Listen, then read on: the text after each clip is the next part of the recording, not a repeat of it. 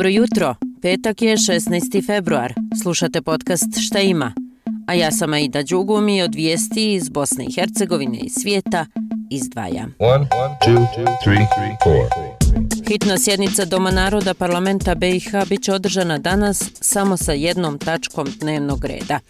Delegati će razmatrati zakon o spričavanju pranja novca i finansiranju terorističkih aktivnosti.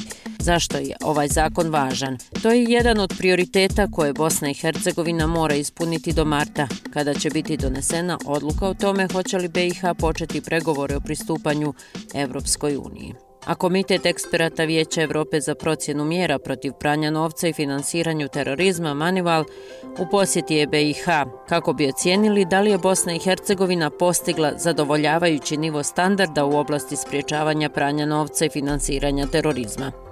BiH prijeti stavljanje na sivu listu radne grupe za finansijsko djelovanje Međunarodnog tijela za praćenje pranja novca i finansiranja terorizma, ukoliko izvještaj predstavnika Manivala bude negativan. Na usvajanje zakona pozvao je Ured Evropske unije u BiH, koja je zatražila od Doma naroda parlamenta BiH da zakaže sjednicu na koje će ga usvojiti kako bi on ušao u evaluaciju Manivala. Ministar vanjskih poslova Bosne i Hercegovine Elmedin Konaković učestvovaće danas i sutra na Minhenskoj sigurnosnoj konferenciji.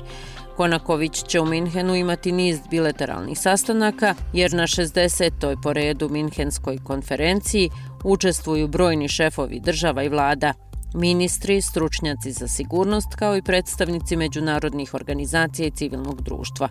Na konferenciji će biti riječi o izazovima vanjske sigurnosne politike, sadašnjosti i budućnosti, ulozi Evropske unije kada je riječ o sigurnosti i odbrani, novoj viziji globalnog poretka te sigurnosnim implikacijama klimatskih promjena.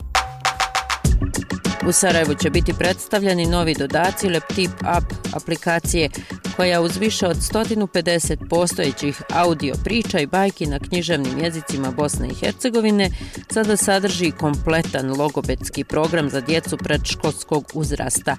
Ovaj program obuhvata više od stotinu govornih vježbi uz logopedske upute za roditelje, odgajatelje i pedagoge o prepoznavanju i radu s dječjim govornim poremećajima. Lepti App je prva mobilna aplikacija u Bosni i Hercegovini koja sadrži logopedske vježbe, a namijenjena je kao alat za samostalan rad s djecom, pogotovo roditeljima koji nisu mogućnosti redovno posjećivati logopeda. One, two, three, e, na kraju idemo do Jadrana, tačnije do Herceg Novog, koji otvara vrata za 55. praznik Mimoze. Ove godine praznik Mimoze se održava pod sloganom za sve gušte.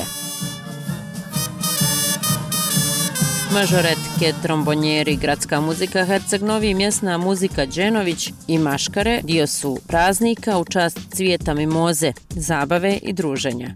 Praznik mimoze traje do 3. marta. Uživajte. I toliko od mene. Želim vam ugodan vikend.